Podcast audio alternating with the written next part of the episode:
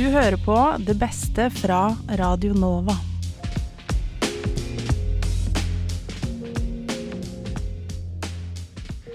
Hei og velkommen til denne spesialepisoden av Det beste fra Radio Nova. Hvor du skal få høre et intervju som jeg, fagsjef Alexander, gjorde med kulturjournalist og programleder Hans Olav Brenner på en scene på et arrangement i Novas regi. Lyden de første sekundene er litt dårlig, men det blir bedre etter hvert. Helt til slutt er det noen spørsmål fra salen hvor spørsmålene ikke ble fanget opp av mikrofonen.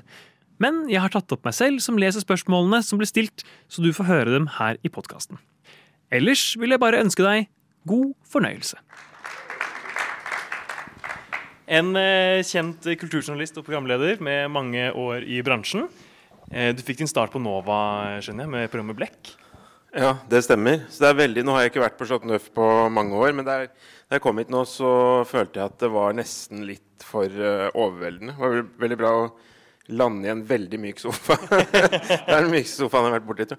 Nei, men uh, jeg har vært på Radionova, og jeg har spilt veldig mye teater i det rommet her. Jeg traff kona mi i, inni dette rommet her, uh, rett og slett. Hun var scenograf, og jeg var skuespiller. Og jeg ble, var ikke skuespiller fra start, men hun altså Det var en sånn kjempescenografi her som besto av et stillas. Og kona mi var scenograf, hun som ble kona mi da, var scenograf sammen med en til. Og så gikk de på stillaskurs, for de måtte få stillaslappen for å kunne sette opp stillas. Og det hadde ikke de fortjent helt, fordi at uh, han som egentlig hadde den uh, rollen som jeg fikk da, i det teaterstykket, han falt ned og brakk beinet. Og så ble jeg rekruttert, også i det rommet her, faktisk, på et sånt møte i, i, i den teatergruppa. Så fikk jeg den rollen, og så ble jeg sammen med kona mi også. Så det er veldig sånn uh, overveldende, egentlig, å være tilbake her. Så jeg har vært veldig mye her, og vært veldig mye på Radionova i mitt liv. Ja. Og Blekk det er jo det som nå heter tekstbehandlingsprogrammet, for det er jo noen her som representerer den. Ja, kult. Holder, holder for seg gående, de. Veldig bra. Det, det begynte med Ristretto het en liten periode. Som var noe veldig sånn avansert med en sånn kjapp kaffe. Skulle være korttekstmagasin. Ristretto var veldig eh, Og så ble det Blekk, og så ble det da tekstbehandlingsprogrammet som det er nå. Så det er eh, historieskriving på høyt nivå her nå. Det er veldig, veldig gøy. Når var det du var med? Ikke sant. Det var jo da eh, tidlig 2000-tall må det være da. Jeg begynte jo, for jeg begynte i NRK høsten 2003, så det er 20 år siden. Det er jo helt overveldende. Jeg skal ikke plage dere med mine eh, eksistensielle problemer, men, men, eh, men, sånn er det. Og da eh, var jeg nok her sånn fra ca. 2000 til 2003, ja. Rett og slett. Du ledet også Blekk? Ja, jeg gjorde det. Så kona mi var jo først Hun har vært først ut med alt. Da, for hun var før meg i NRK. Hun var før, altså, sånn, yngre, tre år yngre, men foran på alt. Så hun var også i Radio Nova før uh, meg. Minnene kommer det var egentlig litt sammen med en annen type der. Og, sånn. og så, og så um, og så var det jo ganske strenge opptakskrav. Jeg vet ikke hvordan det er nå, jeg, hvordan dere praktiserer det, men det var jo, skulle jo skje på veldig sånn formalisert vis. Men jeg kom litt inn bakveien i Radio Nova, det skal sies. Og så var det en sånn uh, SA-kurs, het det da den gangen. Heter det fortsatt? Det gjør det. Det er fantastisk, det. Og da tok jeg SA-kurs, og så hadde jeg en liksom eh, eksamen, da. Men Torkel Jemterud, som er programleder for Abelstårn, han var O store gud da, og nå for så vidt. Men eh, det skjønner poenget. Eh, så sånn, sånn, var det, ja. Har du noen, eh, noen, forbilder som du søkte etter når du på en måte begynte, med, begynte i radio? Nei, men Jeg hadde nok liksom hatt veldig lyst til å jobbe med radio. Jeg kommer jo fra Gjøvik-traktene. Og hadde nok veldig lyst til å, å, begynne med radio ganske tidlig. Og drev og gjorde uh, opptak på kassettspiller og holdt på og lagde liksom mine egne radioprogrammer. og sånn. Så var det noe som het Radio 107 på Gjøvik. Uh, som jeg søkte meg til da, da jeg gikk på videregående, en sånn nærradio. Uh, men der hang det veldig høyt å komme på lufta, så jeg skjønte veldig fort at det kommer aldri til å skje. at jeg kom på lufta, For der var det noen gamle gubber som regjerte veldig da. Så jeg fikk lov til å sitte og svare på telefon. Dag etter dag etter dag satt jeg og svarte på telefon, og til slutt syntes jeg ikke det var så moro.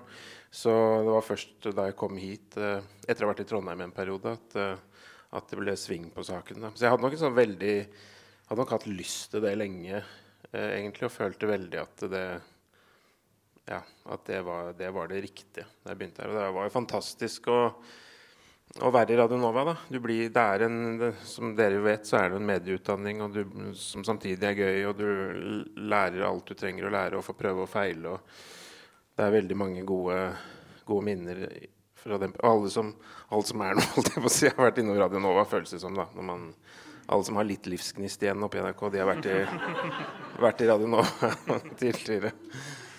Men du begynte da allerede da eh, med litteraturprogram, og det er noe du har holdt på med siden. Ja. Hvor kommer liksom den, eh, den eh, trangen til å formidle litteratur og snakke om litteratur fra?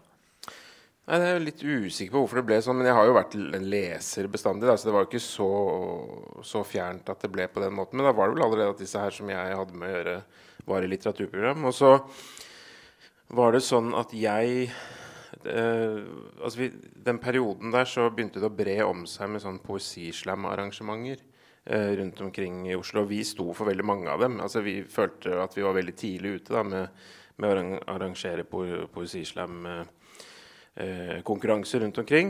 Her på Chateau Neuf hadde vi det. Vi hadde det på eh, ja, diverse steder nede i byen og, og rundt omkring. Uh, og jeg ble faktisk ringt opp fra en eller annen sånn internasjonal poesislam-legende som hadde hørt at dette også hadde begynt å få fotfeste i Norge om jeg skulle kunne skrive et lite kapittel liksom, med Norges side av saken. At en sånn bok som skulle gis ut internasjonalt. Og tenkte at det høres veldig mystisk ut. Og, og, sånn, og jeg hadde litt dårlig gjennomføringsevne, så det skjedde aldri. Så husker jeg kom til New York, og så fant jeg en boka helt tilfeldig en bokhandler i New York. Så var det sånn, Hvert eneste land sin poesislam-virksomhet var beskrevet der, bortsett fra Norge. Så det var jo trist at jeg ikke fikk gjort noe med det. Men eh, så arrangerte vi eh, noe som het Oslo-studentenes eh, poesikonkurranse. eller sånn, Inngikk et samarbeid med Oslo-trikken. Eh, kåret en vinner, beste dikt blant Oslo-studentene, som hang på trikken en måneds tid, eller hva det var. Så, så, det var en veldig sånn poesiaktivisme, egentlig, da. Eh, som en slags sånn sidegren på, på blekk der. Um, og da og, og, så var det sånn at NRK hadde jo hatt poesiprogrammer eh, i mange mange år, da, men de ønsket å gjøre noe nytt. Og så fikk jeg et hint om at det var, var ønske om det internt. Da. Så da meldte jeg meg til tjeneste rett og slett veldig aktivt. Eh, aktivt der og, og fikk lage um, poesiprogram annenhver uke. Eh, det første året jeg var, var, i NRK. Men det hang veldig tett sammen med, med, det vi hadde holdt på med i Radio Nova. Mm. Ja. ja. Det ble jo diktafon. Ja, stemmer. Mm. Og det, jeg har uh, i researchen til det her på en måte hørt meg gjennom og sett en del av dine gamle programmer. Og sånne ting Oi. Og det er veldig tydelig at du har ja. Jeg kommer forberedt. Ja, det må jeg si. Eh, eh, men eh, du har et, et veldig særegent tempo i veldig mye av det du lager. Er det treigt, eller? Er det... Ja, men det er, det er, det er, det Spør du meg, er det helt riktig. Det er på en måte der, men det er um, Hva skal man si? Du, du, tar deg den tiden du trenger. på en måte Det er liksom ikke forhastet. Uh, og Jeg er litt nysgjerrig på den uh, tempoen, om det er liksom noe du har aktivt jobbet deg mot, eller om det er på en måte bare den måten du har lært deg å lage radio? Ja, Altså Dette må jeg fordøye, selvfølgelig. nå Men jeg, for jeg har hørt så vidt på sånne gamle diktafonsendinger. Og da har jeg opplevd at tempoet der er litt sånn ellevilt til tider. Da. Men det er sikkert ut fra min målestokk at jeg syns det er crazy. Um, men uh, det er nok riktig det du sier. Og, uh, altså jeg har jo lagd mange uh, Altså jeg har egentlig holdt mest på med å lage TV-programmer. Og fra 2010 kanskje eller noe sånt, så lagde jeg en eller 2011 så lagde jeg en sånn TV-serie hvor jeg kjørte rundt i en bil. Eh, og intervjuet folk. Eh, og det er jo sånn Når folk skal på TV, så er de jo ofte veldig anspent, eh, anspent og, og, og selvhøytidelige og snakker med rare stemmer og sånn. Så, men det som var med den bilen En ting er å sitte i en bil da, og, og, og, ikke ha øyekontakt. Det kan jo alle som har hatt behov for å, eller mange som har hatt behov for å ta en vanskelig prat, vet jo at det kan være litt ålreit i bil. For da slipper man liksom den øyekontakten, så det er lettere å si at man har vært utro eller et eller annet. Eh, eller det er ikke noe ålreit uansett, sikkert. Men, er, men, men, sånn. Og da testet vi ut det i den, den, bilen. Og da merket jeg veldig ofte Husker f.eks. at jeg var og plukket opp Åse Kleveland, som bor rett opp her. Eh, og hun satte seg inn i den bilen, og så har vi masse kamerarigg inni den. Uh, inn i den bilen. Og masse kjente mennesker og forskjellige. Prøvde å få med han Jerry Seinfeld, husker jeg. Og sendte klipp til han og sånn. Jeg kunne dessverre ikke og sånn. Og så kom han opp med dette der, uh, Comedians in Cars rett etterpå. Veldig, veldig tilfeldig. Um, men, men, da husker jeg meg også Kleveland, da. Det var poenget. Uh, så var hun veldig sånn politiker og kontrollert i starten. Um, og så lot jeg tiden gå, da, apropos det du sa. Uh, og så merket jeg etter en stund så begynte hun å, å, å skru ned tempoet litt og snakke roligere. Så det er jo ikke en sånn erkjennelse av at uh, når folk senker tempoet litt, og, og, sånn, så er det litt mer sånn hjertespråket som kommer, da, på en måte. Mm. At det blir litt sannere. Altså når folk, Dette har, henger jo sammen med intervjuteknikk og sånn, selvfølgelig. At, uh, at når folk får muligheten til å forfølge sine egne resonnementer litt, og blir ansvarliggjort eh, på en god måte på det de har sagt, uh, så begynner det å dukke opp bedre ting da, kanskje, enn det ville gjort ellers. Ja. Ja, nå, nå, foregriper du mange av mine spørsmål ja. her. Eh, og når du tar opp dette programmet som heter 'Historie fra Norge' eh, Historie fra vårt land. Ja. Fra, vårt fra, avisen Vårt Land. Ja. Sakset fra avisen Vårt Land. det er jo veldig mange mennesker du tar med deg inn i denne bilen. Eh, jeg tenkte litt på det når vi satte opp her, at denne sofaen på en måte litt blir et bilsete hvor vi sitter mm. og ser utover publikum her. Um, men der var det for eksempel, da har jeg klippet ut et lite klipp fra når du har med deg Kåre Willoch ja. inn i denne bilen. Um, og det på en måte blir en sånn en, en samtale som man ikke ville hatt i et studio. Mm. Kan jeg spoile? Har du plass til den? Jeg skal gi det et forsøk. Er du skeptisk? Nei, det er vel ikke gjort. Jeg, jeg, jeg har ikke din ungdom. Skal altså prøve å. Skal du ha noen til å hjelpe deg bak tror det skal gå, igjen, altså. Går dette bra her, da? Dette blir jo lett et prestisjeprosjekt. Det kan ikke være farlig å kjøre opp på fortaukanten? Nei da, det går. Sånn. Det gikk, det. Det gikk, ja. Tror jeg. Ja jøss, ja, du, du er helt inntil. Flott, altså. Um, så du, du, på en måte legger jo opp til um, å komme veldig nær på folk når man sitter i en bil på den måten. Ja. Um, nå uh, hopper vi litt inn i materien her, men, men hvordan syns du det uh, er annerledes når du nå jobber mer i studio, sånn som du gjør nå med Brenner og Brenner deler dikt? Ja, det er jo veldig, uh, veldig annerledes. Jeg bare lyst til å si en kort ting, ting om den serien. fordi at jeg merket jo veldig det at hvis jeg tok det Apropos det du spurte om i sted. at når, Hvis jeg var tilbakeholden, så begynte det å utspille seg ting. Og folk stilte på en måte personligheten sin litt til skue, og det var jo veldig morsomt. Eh, og det kom til uttrykk på så utrolig mange eh, vis. F.eks. råd fra Kåre Willoch her om hvordan jeg burde, burde lukeparkere. Um, jeg tenker på Kåre Willoch ofte, faktisk, fordi at uh, han, det er et sted liksom, borte på Ring 3 hvor man kjøre, kan kjøre av. Og Der fortalte han en grusom historie om en dame han kjente som hadde kjørt av litt for tidlig. Før, liksom det, der, før, det var lov å kjøre inn i det påkjøringsfeltet. Og hun hadde fått en veldig klekkelig bot. Det syntes han var helt forferdelig at mennesker kunne både gjøre det og oppleve noe sånt. Så hver gang jeg kjører der, så tenker jeg på det at det, det finnes grusomme ting i verden. Eh, men, men, men Og så var det sånn, husker jeg at etter eh, etter ut, Dette var jo da etter Utøya, selvfølgelig. og et par år etterpå så hadde jeg med han som var eh, eh, altså Nå står det helt stille for meg, da, men uh, dement også, dessverre nå. Men, men han var justisminister. Knut Storberget. Og han var veldig anspent inni den bilen. Og jeg drev og liksom parkerte litt vilkårlig, og sånn, så var han veldig bekymret for om det var lov å stå der. og sånn, for Han kunne ikke bli tatt for det, han som var utenriksminister. Og, det fikk frem veldig mange morsomme ting. da. Og så hører med til historien at jeg, også, jeg, sa jo mye mer i den bilen egentlig enn det som kom med. Så jeg ble klippet ned og ned. Det ble mindre og mindre. Så til slutt så virket det som om, i disse episodene som om jeg ikke sa et ord. Og da ble det også eh, parodiert eh, av By og Rønning i en sånn eh, komiserie som de hadde, hvor jeg bare satt og så ut som en idiot. Så da skjønte jeg at nå har vi nådd et, eh, et smertepunkt. da. Men det vi holder på med nå, med å lage podkast, er, eh, er annerledes. Jeg er jo liksom van... Ja, det, det er interessant, for jeg har jo gått gjennom et slags sånn Dette er jo korona, henger jo sammen med korona. Hva skal NRK-programleder finne på nå? Jo, vi sender dem på et slags sånn voksenopplæringskurs i å lage podkast. Eh, så det gikk jeg på da, i seks uker eller åtte uker eller, eller hva det var. Og, og, det var veldig spennende. Og da lærte jeg mye om at, uh, at det er litt andre konvensjoner som gjelder her. En litt annen type ja, henvendelse til publikum og sånn. sånn at jeg følte at det ble litt uh, voksenopplæring for meg, rett og slett. At jeg måtte endre litt tankemønstre. Og, og så dele litt mer av meg selv. Og det er jeg ikke så veldig glad i, egentlig. Jeg syns det er litt artig når jeg sitter her og, og sånn. Men, men jeg, i intervjusituasjonen så sitter det langt inne for meg å, å by på ting. Da, for jeg syns det forstyrrer litt. Og jeg, jeg, har liksom vokst opp i en litt annen Eller ja, utdannet meg i en litt annen skole, egentlig. Så nå sitter jeg i studio der oppe på NRK og babler om ditt og datt og angrer etterpå. Og hun som jeg jobber sammen med, som heter Kristine, veldig opptatt av følelser og historier og sånn. Så hun presser meg veldig mye. Så jeg blir sur og sånn. Inntil vi får resultatet, da. Og, og, og det ble bra, og hun hadde rett og, og sånn. Uh, så hun har masse, veldig mye rett i det.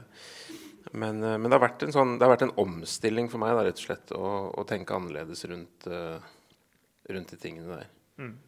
Um, ja, for du har jo uh, i den uh, Benner eller dikt En av de aller første episodene er jo veldig uh, ja. utleverende. Ja. og da tenkte jeg egentlig bare å spille av et klipp derfra. Nå ser du så rart på meg. Nei, nei. Men uh, du uh, prøver Føler du deg en mislykket gjest foreløpig? Nei, jeg føler veldig Jeg får litt den følelsen, nemlig. Jeg får en sånn veldig sånn prestasjonsangst der. Er det sant? Nei, men litt sånn Det var ikke dette han hadde tenkt. han har jo litt rett, Mattis Herman Nyquist, en av mine beste og eldste venner. Denne samtalen ble ikke helt som jeg hadde tenkt. For i mitt hode så er det sånn at vi to, han og jeg, vi har alltid delt dikt med hverandre. Helt siden vi møttes for nesten 20 år siden. Og den gleden det er å finne et dikt som du tenker åh, dette kommer han til å like. Dette kommer til å treffe noe inni ham, utløse følelser, tanker. Det har jeg alltid tenkt at det har vært en slags bærebjelke i vårt vennskap. Men allerede da jeg ringte han første gangen for å fortelle om dette prosjektet, og hører om han hadde noen dikt jeg har delt med han, så begynner jeg å ane at noe ikke er helt som det skal være mellom oss. Ja. Er det det er Kristine som har pressa meg til å si de greiene der. Jeg hadde jo Det er ikke Det hadde jeg ikke funnet på selv, altså. Men, uh, men det ble jo en episode som ikke er helt representativ for serien, akkurat. Da, for jeg er jo ikke så selvutleverende, så det var jo litt risikofylt. Uh, og da var jeg faktisk veldig stressa, for vi sendte ut to uh, De to første episodene vi sendte ut, var med Live Nelvik, som ikke har noe sterkt forhold til dikt, men som ble veldig grepet av det opptaket vi, vi gjorde om et, et dikt av Johan Grip som heter 'Hentet'. Og i realtid så skjønner hun på en måte hele punchen med det diktet og, og blir veldig rørt av det. Så det var den ene episoden, og så sendte vi ut denne her eh, samtidig.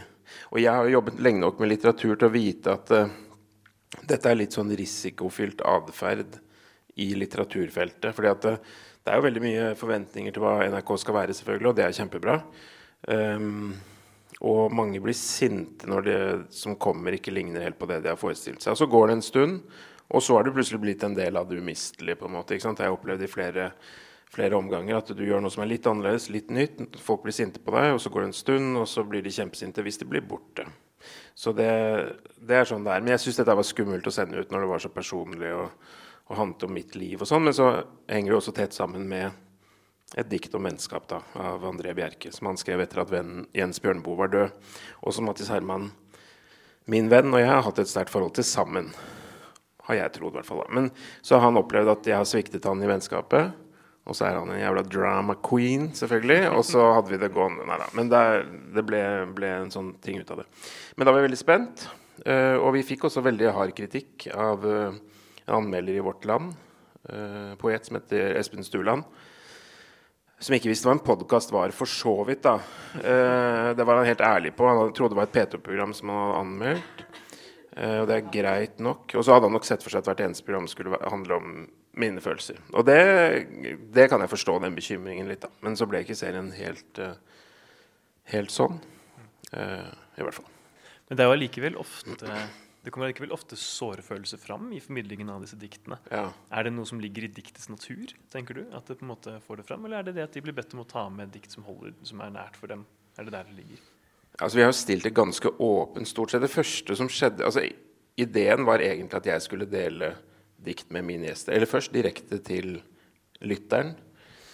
Eh, men det ble en ganske svær og krevende prosess. For da endte jeg opp med å lage liksom minidokumentarer om ett og ett dikt. Og det, da hadde jeg aldri klart å lage en episode i uka hvis jeg skulle, skulle holde på sånn. Um, og så var det at jeg skulle dele med uh, en gjest. Men så hadde vi artisten Odd Nordstoga på besøk, og så skulle jeg dele et dikt med han. Men så var Odd liksom så veldig sånn Jeg vet ikke, jeg fikk ikke helt kontakt. Og så satt han og mumlet noe om noe snø og noe granskog og noe greier borti hjørnet der. Og så litt sånn rørt ut og, og i det hele tatt. Så tenkte jeg, hva er dette for noe?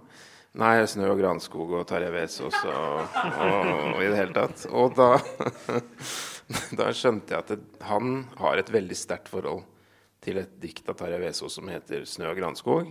Og det må vi snakke om først. Hvis ikke så klarer ikke han å forholde seg til at jeg skal dele et dikt med han.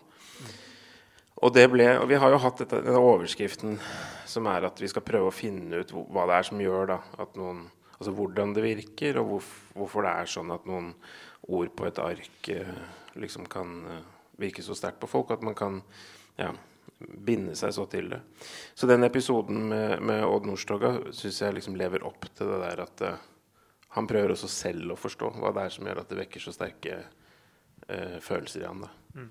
Og det er ikke bare nostalgi, det er ikke bare lengsel hjem, men det er noe som er mer ambivalent. Og det blir jo veldig mye grining. Min kollega Sisvik, som uh, også var i Radio Nova da jeg begynte her, hun var veldig dronning da, da jeg begynte. Hun er jo litt eldre enn meg. Da jeg begynte i Radio Nova, så jeg husker sist gikk opp i gangen her og liksom holdt hoff og snakket med sin litt hese uh, stemme og var veldig sånn Er det mulig å være så høyt på strå? Jobbet i Morgenbladet ved siden av. Var helt ellevill stemning. Men uh, hva var det jeg skulle si om sist, da? Ikke sant, Jeg er faktisk dement. Uh, men det var et poeng jeg skulle Det var noe med grining? Jo. Hun har jo nyhetsbrev så hun sa at nå, på nrk.no. Så jeg skal, jeg skal, skrive det. At dette er den, dette den podkasten i NRK hvor det blir grått mest. Og det tror jeg faktisk det er med, med god margin. For det er rart med det. altså. Jeg, jeg, har ikke prøvd å tvinge det frem. Det er eh, Folk begynner å gråte veldig, veldig lett her. Mm. Ja, jeg hørte på den episoden med Leo Ajkic nå senest. Ja. Um, og ble overrasket, fordi det er jo på en måte en, en mann som man ser for seg har et veldig sånn sterkt uh, ytre skall. på en måte, At han er en, en tøffing. Uh, og Så kommer han inn til deg, og så er det jo du som har funnet fram et, et dikt fra en uh, dikter som hans barneskole, gamle barneskole er oppkalt etter. Mm. og så blir du på en måte plutselig koblet masse følelser på det diktet, da, helt mm. liksom, uforvarent, som jeg i hvert fall opplever at han hadde en liksom, genuin uh, kobling til, en sånn følelsesmessig kobling til. Mm. Så det syns jeg var veldig Da, da begynte jeg å tenke på det spørsmålet her, om det er noe liksom, i diktets natur. At det på en måte tvinger fram disse følelsene. Mm. Jeg syns jo det var litt uh, morsomt med denne episoden. Jeg har vært litt usikker på etterpå om den ble helt vellykket, men det som uh, da jeg snakket med Leo om dette i utgangspunktet, så var jeg litt sånn på slalåmtur og hadde han på telefonen. og uh, Har du noe dikt, liksom? Og ja, barneskolen var oppkalt etter en dikter. Og, så jeg er litt usikker på om han visste 100% hva han gikk til. Men, men, klarte, og så kjente jeg at han kommer ikke til Vi har navnet på han poeten, men det kommer ikke til å komme noe dikt fra Leo her. Så jeg må ha noe i bakhånd, da. Uh, så jeg hadde funnet frem et dikt av denne litt nasjonalistiske og veldig pompøse poeten som ja, Han levde vel litt inn på, på 1900-tallet, da. Men det som jeg liksom håpet å få til i den eh, episoden For at eh, Leo stilte seg jo ganske avvisende og det synes jeg er et fint resonnement som handler om at sant, hvis vi skal være nasjonalistiske på den måten at vi priser våre egne vakre fjorder, og sånn, så er det nødvendigvis noen andres fjorder som er mindre fine. da. Og det, sant, det er jo litt betenkelig, på en måte. Og så syns jeg det var fint at han fikk sagt det og, og, kjente motstand mot denne forfatteren og forfatterskapet. Men samtidig så fikk han fortalt en historie som egentlig belyste noe av det som, som var i det, det diktet. Da, og, disse, og, det det handler om, kanskje, og som, uh, som jeg var litt inne på, som Kristine er opptatt av, som jeg jo for så vidt uh, er opptatt av, det er at når vi skal redigere disse episodene, så er vi helt avhengig av at intervjuobjektene våre har fortalt noen historier. Det er mye mer Jeg har ledet veldig mye forskjellige slags programmer, og ofte så kommer det jo historier. Um, med, med, liksom lukt og smak og, og, og fylde. Men, men, akkurat i arbeidet med den podkasten her så har det blitt helt nødvendig å ha de historiene. Det må liksom være to ting eh, som du sitter igjen med på en måte veldig klare bilder i hodet, hvis vi skal anse det som eh, som vellykka, da. Mm. Hvis ikke så blir det litt sånn eh, Blir det bare prat i den settingen her. Mm. Det, det er jo ganske kort format på disse episodene, men Ja, det er det. det er redigert ned, eller? Fra en lengre samtale? Eller? Ja, så det er jo en time samtale ofte. Så det er utrolig at det ikke er bedre. da. Nei da, men det er eh, Det er, eh, det eh, det er, det er, er lenger, gjerne. Noen er veldig lange, og jeg får aldri hull på det. på en måte. Så det er mye sånn å prøve å ta opp igjen og, og, og også innimellom liksom fortalt historiene litt på nytt og tydeliggjøre og, og, og sånn. Så sånn program Jeg er jo vant til å liksom bære mange settinger som programleder og ta det fra A til Å. Syns det har vært litt meningsfylt. da. Men det er jo en litt annen type jobb nå. Som er litt sånn småenerverende innimellom òg, men også veldig fin. da. Det er mange fine eh, fine øyeblikk. Så hadde vi Harald Eia på besøk. Og han eh, tenkte på Harald i stad, fordi jeg ble veldig rørt av å komme hit. Men så tenkte jeg jeg blir jo ikke så rørt som Harald Eia blir for tiden. Eh, han begynte også å gråte veldig. da. Han begynte å snakke om Terje Wigen, dikta av Henrik Ibsen, i denne podkasten. Og, og da hadde jeg Vi har en sånn arbeidsfordeling, Kristin og meg, og idiotisk nok så var det jeg som skulle trykke på rec eh, på, i Digas. Og det hadde jeg glemt med det opptaket med Harald. Så etter en time, en drøy times utrolig fine Altså Det var et helt utrolig fint opptak. Det begynte med at Harald og jeg satt og sang 'Og den som var en løvetann' sammen. Tenkte sånn Skjer dette her? Det er jo ikke dette er jo, Det kan ikke brukes, men det er jo veldig koselig. Men, men Og så ble det en veldig fin prat. Men så er det Dette er sikkert noe for eh, ikke PST, men hva heter de andre som passer på dataene. Det, er, det blir altså gjort et opptak, et filmopptak med lyd, uten at vi var klar over det i det studioet. Så fort du har trykket på fått opp mikrofonene. Så det er litt urovekkende der. Kom oss til unnsetning. Men hvordan er det egentlig nå altså, å, lage et eh, diktprogram, en diktpodkast i NRK når NRK er så opptatt av å treffe ungt? Ja, det kan du si. Eh, det er litt både og, fordi at eh, um, Vi er nok mange der som har tenkt mye på dette med ung målgruppe, hva, hvordan man skal fortolke en ung målgruppe. Ehm, og jeg har jo hatt lyst til å skrive sånn harselerende, for NRK har laget eh, denne serien som heter Demenskoret. Eh, og så var det veldig mange eh, eller veldig mye fokus på forholdene på norske sykehjem. Og da hadde jeg lyst til å skrive en veldig sånn harselerende, ironisk tekst på intranettet. Om hva i all verden er dette her med alle disse gamle menneskene? Skulle vi ikke nå ung målgruppe? Demenskor. Hva er dette for noe tull? Eh, men, eh, men, eh, men for meg så har Jeg må nok si altså Vi fortolket nok i begynnelsen veldig sånn at eh, det at vi skulle nå unge mennesker, var ensbetydende med at vi hadde unge gjester for eksempel, absolutt hele tiden. Eh, Men så så vi sånn at å ja, vi har Sissel Gran på besøk, ja, som snakker om at man bør ta sjansen mm, liksom på kjærligheten når den, når den kommer. Sissel Gran er snart 70 år, og det er en av våre mest populære eh, episoder. Så at det, akkurat det der at det skulle være unge mennesker nødvendigvis, det, det falt bort ganske kjapt for oss da. Men at man snakker om ung virkelighet innimellom. At man ikke bare sitter i det studioet. Jeg har lyst til å sitte der og snakke med alle om hvordan det er å være småbarnsforeldre, for det er jeg selv. Uh, og det er masse opp- og nedturer med det, og det tenker jeg dette er kjempeinteressant. Men, men det bare å forholde seg til at, at den tematikken som opptar meg som litt sånn middelaldrende, er ikke sikkert at jeg treffer unge mennesker sånn. Men liksom ta den lille runden. Og at målgruppetenkningen ofte handler om inkludering. Da. Sånn at jeg har jo begynt å si sånn Det er jo sikkert en sykdom, da, men jeg sier sånn Ja, vi hadde besøk av artisten Odd Nordstoga, sånn tilfelle ikke vet han er artist. Altså på en måte Jeg legger på veldig mye sånn også i hverdagsspråket nå for, å, for at ingen skal behøve å, å lure på hva jeg snakker om. Og det kan sikkert bli litt parodisk innimellom, men det rare er at eh, når den lille omveien tas Det er rart med det. Man føler seg også litt inkludert selv, faktisk, synes jeg da, selv om man visste både det ene og det andre i utgangspunktet. Så eh, Men det ja, Nei, jeg skal ikke utlevere noen. Jeg, det, synes det er, eh, det syns det er litt komisk innimellom. eh, NRKs voldsomme frieri til unge mennesker. Eh, når det er sånn oppdatert.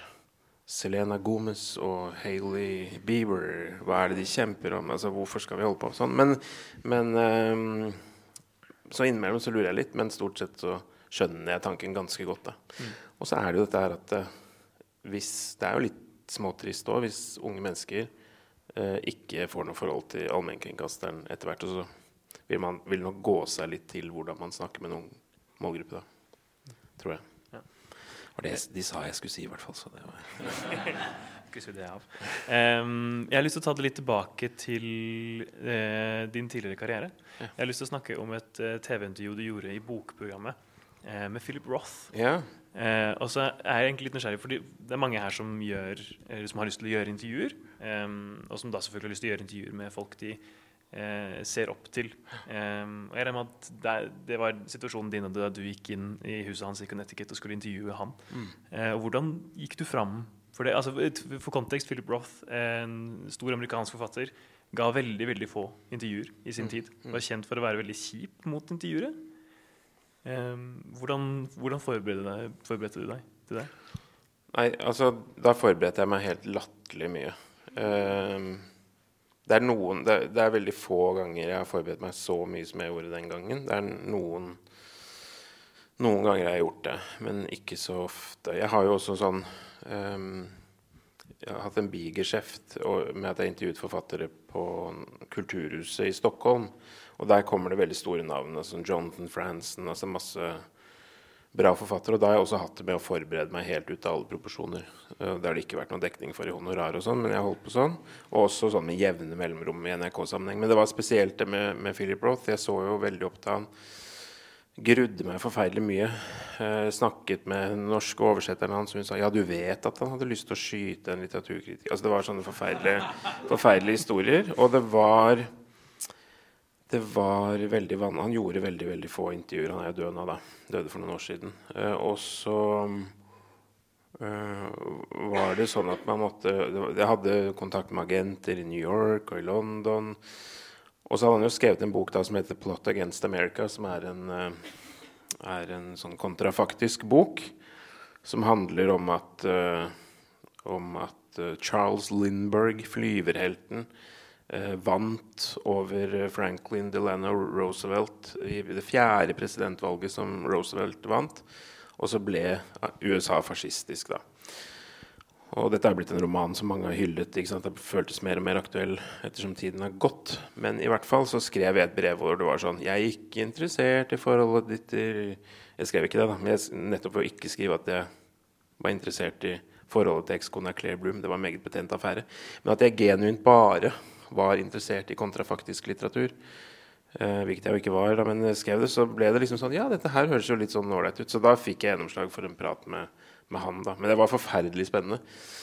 Eh, og så er det alltid sånn masse omstendigheter rundt det. ikke sant? Fordi at vi kom opp til Connecticut, det var sånn snøstorm. Og så sjekket vi inn på et sånn elendig motell. Eh, og der var varmeanlegget ødelagt. Så jeg husker jeg hadde en sånn utslitt Canada Goose-jakke som jeg lå med i senga natt til det intervjuet. Og så ble jeg forkjølt i løpet av natta og sånn. Så det var eh, Det føltes litt sånn rufsete, hele greia. Og så hadde jeg med meg Hvis man ser det intervjuet, da, så vil man se at jeg har med en sånn gigantisk bunke med hans bøker da, som jeg la på pulten hans bare for å vise at jeg har lest absolutt alt. Eh, og var veldig ydmyk og sånn i starten. Og så hadde jeg jo også veldig klar Fordi jeg var så forberedt, så visste jeg I den grad han har latt seg intervjue før, så visste jeg akkurat hvilke historier han pleier å fortelle, og hvor langt han går. ikke sant? Sånn at eh, det var en delvis sånn Ja, nå dette her, Den historien vil jeg ha. Nå er han i ferd med å fortelle den. Uh, og så kom det også ting som jeg aldri hadde hørt før. Og så tenkte jeg sånn Yes, dette er, uh, dette, er, dette er, bra. Så jeg følte at vi kom sånn ordentlig nær da, et par ganger i, i, den praten. Jeg har jo et klipp derfra også, ja. som jeg tenkte jeg skulle spille.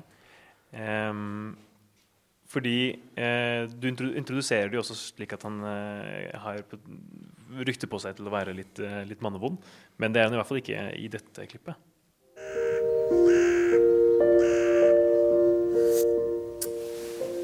You're America's greatest living author. How does that feel? well, there would be those who would dispute that with you, you know.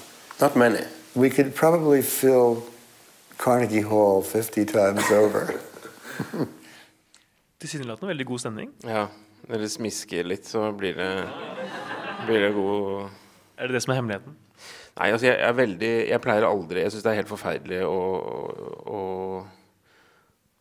å skryte. Jeg har nok begynt å skryte litt mer etter hvert. fordi at Altså I begynnelsen når jeg gjorde forfatterinntervjuer, sånn, så la jeg bare til grunn at de driter i hva jeg mener. Jeg er en nobody, liksom. Um, og det vil bare bli beklemmende hvis jeg skal stå og, og si til Dag Solstad at jeg syns du skriver kjempebra bøker. Altså Hvis du er litt nede innimellom og syns du er dårlig, så slapp av. Her har du det, her har du det direkte fra meg. Uh, sånn at det, det, føltes veldig rart. Men så har jeg opplevd etter hvert da at, uh, at det, det, er en og annen som faktisk er litt sånn opptatt av at det kan bli litt elefanten i rommet hvis jeg ikke sier noe. Um, sånn at det er en balansegang der. Men sånn i i et intervju så syns jeg det tar bort hele spenningen og tar helt livet av praten. Hvis jeg liksom skal si sånn It's amazing what you are able to få til altså, Det prøver jeg å unngå, da. Men, eh, men jeg gjør det tydeligvis der. Eh, og så gjorde jeg også et intervju med den danske forfatteren Susanne Brøgger. Så var jeg hjemme hos henne. Og det henger jo tett sammen med intervjuteknikk og sånn, for jeg hadde jo gått på uh, intervjuteknikkurs. Uh, i NRK-regi. Etter at jeg lagde det diktafon det året med diktafon, så var det et TV-program som het uh, Store Studio, som ble ledet av Anne Lindmo. Og så skulle Anne Lindmo ut i uh, fødselsperm. Og så, uh, så, måtte jeg ha inn en vikar da, en sesong. Og da hentet de meg ut fra den, det hjørnet mitt i radioen der, så jeg fikk komme på audition. Og så fikk jeg den, den jobben der, ja. Um, og så ble jeg sendt på sånn intensivt uh, intervjuteknikkursopplegg. Og da um, lærte jeg liksom metoder som egentlig har holdt meg til, til siden. Um, for så vidt. Men det jeg ikke hadde lært helt, det var hvor kraftfullt det kan være å stille spørsmål som innledes med spørreordet 'hvorfor' mange ganger på rad. At på et tidspunkt så vil det oppleves som litt sånn nærgående eller det kan i hvert fall bikke over i at det oppleves som at du stiller litt sånn mer grunnleggende spørsmål ved beveggrunner og sånn. da. Og da husker jeg var i Danmark da og intervjuet Susanne Brøgger. Og så hadde hun skrevet en selvbiografi som het 'Sølve', hvor hun skrev masse om det å utlevere folk i lokalsamfunnet hennes der i, i, i romaner. Noen ble sure. Noen ble sure hvis de ikke ble med i en bok. Altså Det var mange varianter rundt det. Hun hadde masse fine historier eh, om det. Og dette var jo før Knausgård og før masse eh, autofiksjonsprat i offentligheten. da. Men så stilte jeg en spørsmål om disse tingene her. da. Og så var det sånn, ja, men Hvorfor fortsetter du da å utlevere folk hvis det har en kostnad? Så holdt jeg på sånn. Så plutselig så ble hun veldig rasende der eh, i den praten. Eh, og kom med en tordentale til forsvar for den frie litteraturen. Hvor jeg satt og skalv og var veldig Lurte på om er det, er det meg eh, hun kjefter på nå? Eller er det samfunnsutviklingen, eller er det liksom en blanding? Eh, liksom Manglende forståelsen i verden for hva litteraturen er. Var den Kreva var den Karstad? Hun hadde et veldig, Jeg husker disse formuleringene fortsatt. Og så blir det klippet på meg, og jeg ser jo helt vettskremt ut da i det, intervjuet der. Eh, også på et tidspunkt så måtte vi skifte tape, og det var helt sånn dørgende stille mellom henne og meg. Men da husker jeg at da ble jeg sånn ja, men og da begynte jeg å smiske med henne da, og si liksom det er ikke uten måte på hva du har fått til, og, og sånn, for å prøve å hente meg, meg, inn. Men hun var litt sur på meg, Susanne Brøgger, og skrev om det i en bok og sånn etterpå, at hun hadde hatt et dårlig forhold til Norge i flere år etterpå. det var ikke maten. Men så møtte jeg henne på litteraturfestivalen på Lillehammer uh, for ikke så altfor lenge siden. Satt meg ned, snakket vi, og ble vel forlikt igjen, da. Så nå er, det, nå er alle hjerter gleder seg. Så bra. Jeg ser at vi har uh, gått litt på overtid her. Jeg tror vi må åpne for uh, spørsmål. Eller i hvert fall for, for, min spørsmålsrunde, selv om jeg har masse spørsmål igjen her på blokka. Uh, er det noen som har noen spørsmål her i salen? Sofie? Du snakker med og intervjuer folk som det virker som om du er veldig interessert i. Hvordan forbereder man seg hvis det ikke er tilfellet? Hvor man ikke er interessert i den man intervjuer? Mm. Ja, det hender jo ganske ofte det. Eller sånn at man eller altså I hvert fall sånn at uh, du har så lyst til at det skal bli bra, og så sitter du der og kjenner at her, dette, her kom, dette kommer ikke til å komme. Altså det Her er det bare helt sånn konvensjonell uh, uh, kjedelig prat. Og det, faktisk, jeg, i det bilprogrammet jeg husker én gang Og da kjørte vi rett utenfor Chateau Neuf her. Det var en eller annen sånn musiker som hadde gitt ut én singel. Det var et eller annet som vi skulle ha med i programmet. Og, og det, var så, liksom det som kom, det var ingenting. Og da husker jeg at jeg tenkte sånn Jeg klarer ikke å late som. Altså Jeg klarer ikke å være proff nok til å liksom late som jeg er interessert lenger. Så jeg bare liksom døde, følte jeg, i den situasjonen. Men som regel så klarer man jo da å liksom mobilisere litt, eller finne den derre ene tingen som er litt spennende. Altså det, som, det er jo noe med at det kan oppstå skikkelig fine ting i en prat nesten når som helst. Det er jo det der ene forløsende oppfølgingsspørsmål. Det er så lite, noen ganger så lite Når du sitter i hvert fall og skal klippe det etterpå, så er det egentlig så lite som skal til i og for seg for at det skjer noe. Det ene forløsende oppfølgingsspørsmålet, den lille latteren, den lille uventede tingen som som man ikke hadde forutsetninger for å planlegge eller vite om på forhånd. Så det er jo den liksom å tro på at det kan dukke opp en sånn liten ting da, nettopp ved det forløsende oppfølgingsspørsmålet særlig. Det er jo det som er gullet, stort sett. da. At man sitter der og lytter såpass intensivt at det, at det vokser frem et oppfølgingsspørsmål ganske naturlig av seg selv. Det er liksom egentlig det som holder liv i hele ønsket om å drive og intervjue folk, øh, føler jeg, sånn etter noen år. Er det noen flere spørsmål? Hvordan går man fram for å lage en podkast for noen man ikke deler virkelighet med? Bruker dere mye målgruppeinnsikter? Ja. Ja, det er et godt spørsmål. Er, uh, vi gjør jo et sånn type innsiktsarbeid da, i, i forkant. Og snakker uh, med relativt unge mennesker. Men nå har ikke vi snakket om Nå har ikke vi prøvd å nå 18-åringen, for å si det sånn. Det er nok mer 30-åringen. Vi ble ganske klar over det at uh, Eller 25. Altså at det er en fordel å ha litt uh, Bitte litt livserfaring. Uh, for å, å, bli veldig uh, opptatt av dikt. Da. Men så opplevde jeg veldig fort Men det er ikke sånn at jeg sitter i studio og tenker sånn Nå skal jeg ta capsen bak frem og si noe skikkelig ungdommelig. Kristine reagerer faktisk veldig negativt hvis det er liksom tilløp til Altså Jeg får ikke lov til å si kult engang. Det synes jeg er helt for det mener jeg, det mener jeg tilhører min generasjon å si kult, men det er jeg også for gammel til. Så jeg føler meg veldig gammel da, sammen med henne. Men det som er, er at um, at jeg gjør lite tillempinger i og for seg. Jeg tror at det handler i, i min situasjon så handler det om å ikke ta referanser for gitt, rett og slett, og ikke snakke innforstått. Det er liksom det som er hele greia. Så det syns jeg har vært lærerikt i det hele tatt. Ikke sant? At uh, dette ligner litt på det jeg sa i stad, men at å, å, å, snakke inkluderende og ikke ta ting for gitt, det er faktisk befriende både for de som har hørt om det før, og de som ikke har, har hørt om det før. Så det er liksom det som er endringen for min del. Og så er det sånn at veldig mange unge mennesker har øh, meldt seg på med øh, direktemeldinger og, og sånn på Instagram. Og jeg, vi har fått helt enormt mye feedback. Altså sånn mange, mange, mange hundre veldig hyggelige og sterke tilbakemeldinger fra godt voksne folk.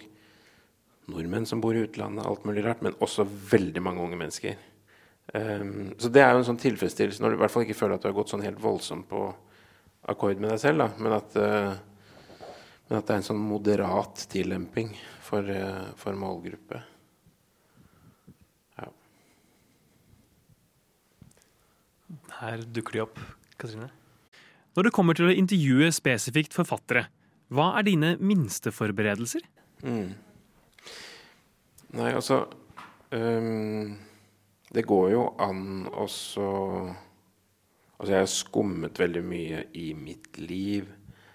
Og det er klart at når det gjelder sakprosa, f.eks., så kan du veldig ofte få god innsikt i prosjektet bare med et forord, f.eks. For Eller så kan du lese ett kapittel og være veldig interessert i akkurat den tematikken. når du møter Det fins jo noen sånne triks. Jeg bare En gang jeg liksom har virkelig opplevd at jeg ikke har vært forberedt, og støttet meg på en kollega. Da lagde jeg mange litteraturprogram på TV i en jafs, og så var det en Jeg vet ikke om jeg hadde vært syk, eller hva det var, men jeg rakk i hvert fall ikke Det var en romandebutant som jeg ikke rakk å lese, som har blitt veldig eh, Ja, har svingt seg veldig etterpå, da. Men men dette var da debuten. Og så, og så var det en kollega av meg som hadde lest boka, men ikke jeg. Så jeg støttet meg på hennes liksom, talking points og, og, referat. Men så var det sånn at den forfatteren var så nervøs og klamret seg til meg. sånn at, at, jeg, at, det ble veldig tydelig at jeg ikke hadde lest den boka. Det, så det var liksom den ene gangen hvor, det, hvor jeg virkelig burde ha gjort det, og hvor jeg ikke hadde gjort det, og at det var forferdelig pinlig. Vi hadde liksom fått tak i et hus som skulle være location. Det var liksom veldig sånn uh, mye styr med det der. Så da husker jeg skammet meg for at jeg kjente at uh, Og det er veldig fort gjort å ljuge litt, og sånn, så jeg prøver, prøver, å ikke gjøre det. da. Men det er en annen gang også vet, uh, hvor jeg ble tatt i løgn, og da hadde jeg vært var jeg i USA for å intervjue en amerikansk forfatter som heter Joyce Carol Oates. Og, hun, og det ble et veldig fint intervju, i og for seg, men hun var, veldig, hun var veldig knekt da, for hun hadde akkurat blitt enke. Hadde mistet mannen sin, som hun har vært helt symbiotisk knyttet til gjennom 50 år, laget tidsskrift sammen. De har liksom både jobbet og, og, bodd og levd sammen, så hun var veldig nede. Uh, og jeg hadde lest meg veldig opp, hadde lest mange av bøkene hennes. Men på et tidspunkt så spurte hun meg uh, Ja, og så er det den boken, så har du lest den? Og så sier jeg ja. Men det hadde jeg ikke gjort. Og så ble det veldig tydelig etterpå. Så så hun hardt på meg, følte jeg da. At det liksom Må ikke drive og å ljuge sånn. Sånn at jeg uh, hatt noen sånne ubehagelige. Men så møtte jeg henne igjen i Stockholm, på forfatterscenen i Stockholm, så intervjuet jeg henne et halvt år etterpå. Og da kom en nygift fra Roma.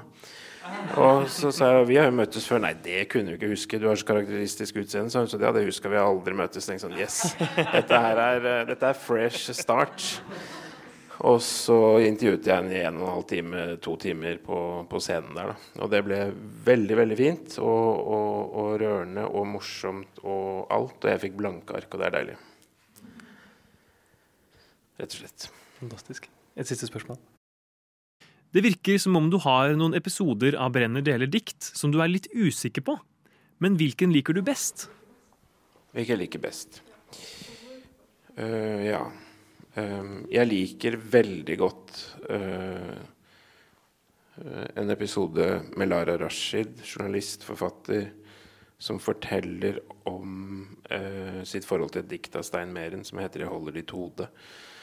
Uh, som kom henne til unnsetning, litt sånn tilfeldig inn fra sidelinjen, da hun skulle snakke eller gjøre noe i forbindelse med begravelsen til søsteren sin Bano, som ble drept på, på Utøya.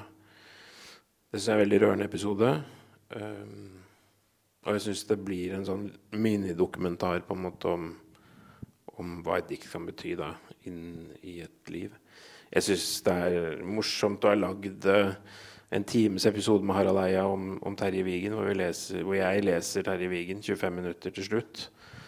Uh, og det viser seg at mange har hørt på denne episoden til tross for at den er lang og, og, og sånn. Um, det var nå to jeg kom på sånn umiddelbart. Uh, I hvert fall. Vi har en nå på lørdag med Sissel Gran som jeg er veldig fornøyd med. Hvor hun forteller om, om Og det, det, er kanskje litt felles for de episodene uh, jeg liker best, er, er, at det diktet virkelig har Det er en veldig konkret historie som knytter seg til hva det har betydd i, i folks liv. En episode med Brynjulf Jungkjønn. Eh, poeten som har gitt ut eh, Kritikerprisen, eh, belønnede hvit norsk mann. Han forteller om hvordan det var å, å plutselig få høre et sprakete kassettopptak med Arnulf Øverlands 'Du må ikke sove' på Feio skole da han var en liten, liten gutt. Så sånne episoder er, tror jeg nok er de som jeg er mest fornøyd med. Og Sissel Gran, som snakker om et Inger Hagerup-dikt som fikk, hun, fikk henne til å forstå at det kanskje var sånn at foreldrene hennes faktisk elsket hverandre, selv om de kranglet absolutt hele tiden eh, i oppveksten og ungdommen hennes en uh, sterk oppfordring der til å gå og høre litt på Brenner deler dikt. Ja, veldig hyggelig hvis dere hører, ja. hører på noe. Tusen takk til deg, Hans Olav Brenner, for at du ville komme hit til oss. Veldig hyggelig. Tusen takk.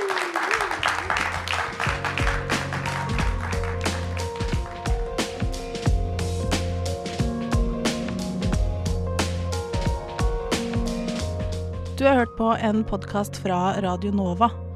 Finn flere podkaster på din foretrukne podkastavspiller eller radionova.no.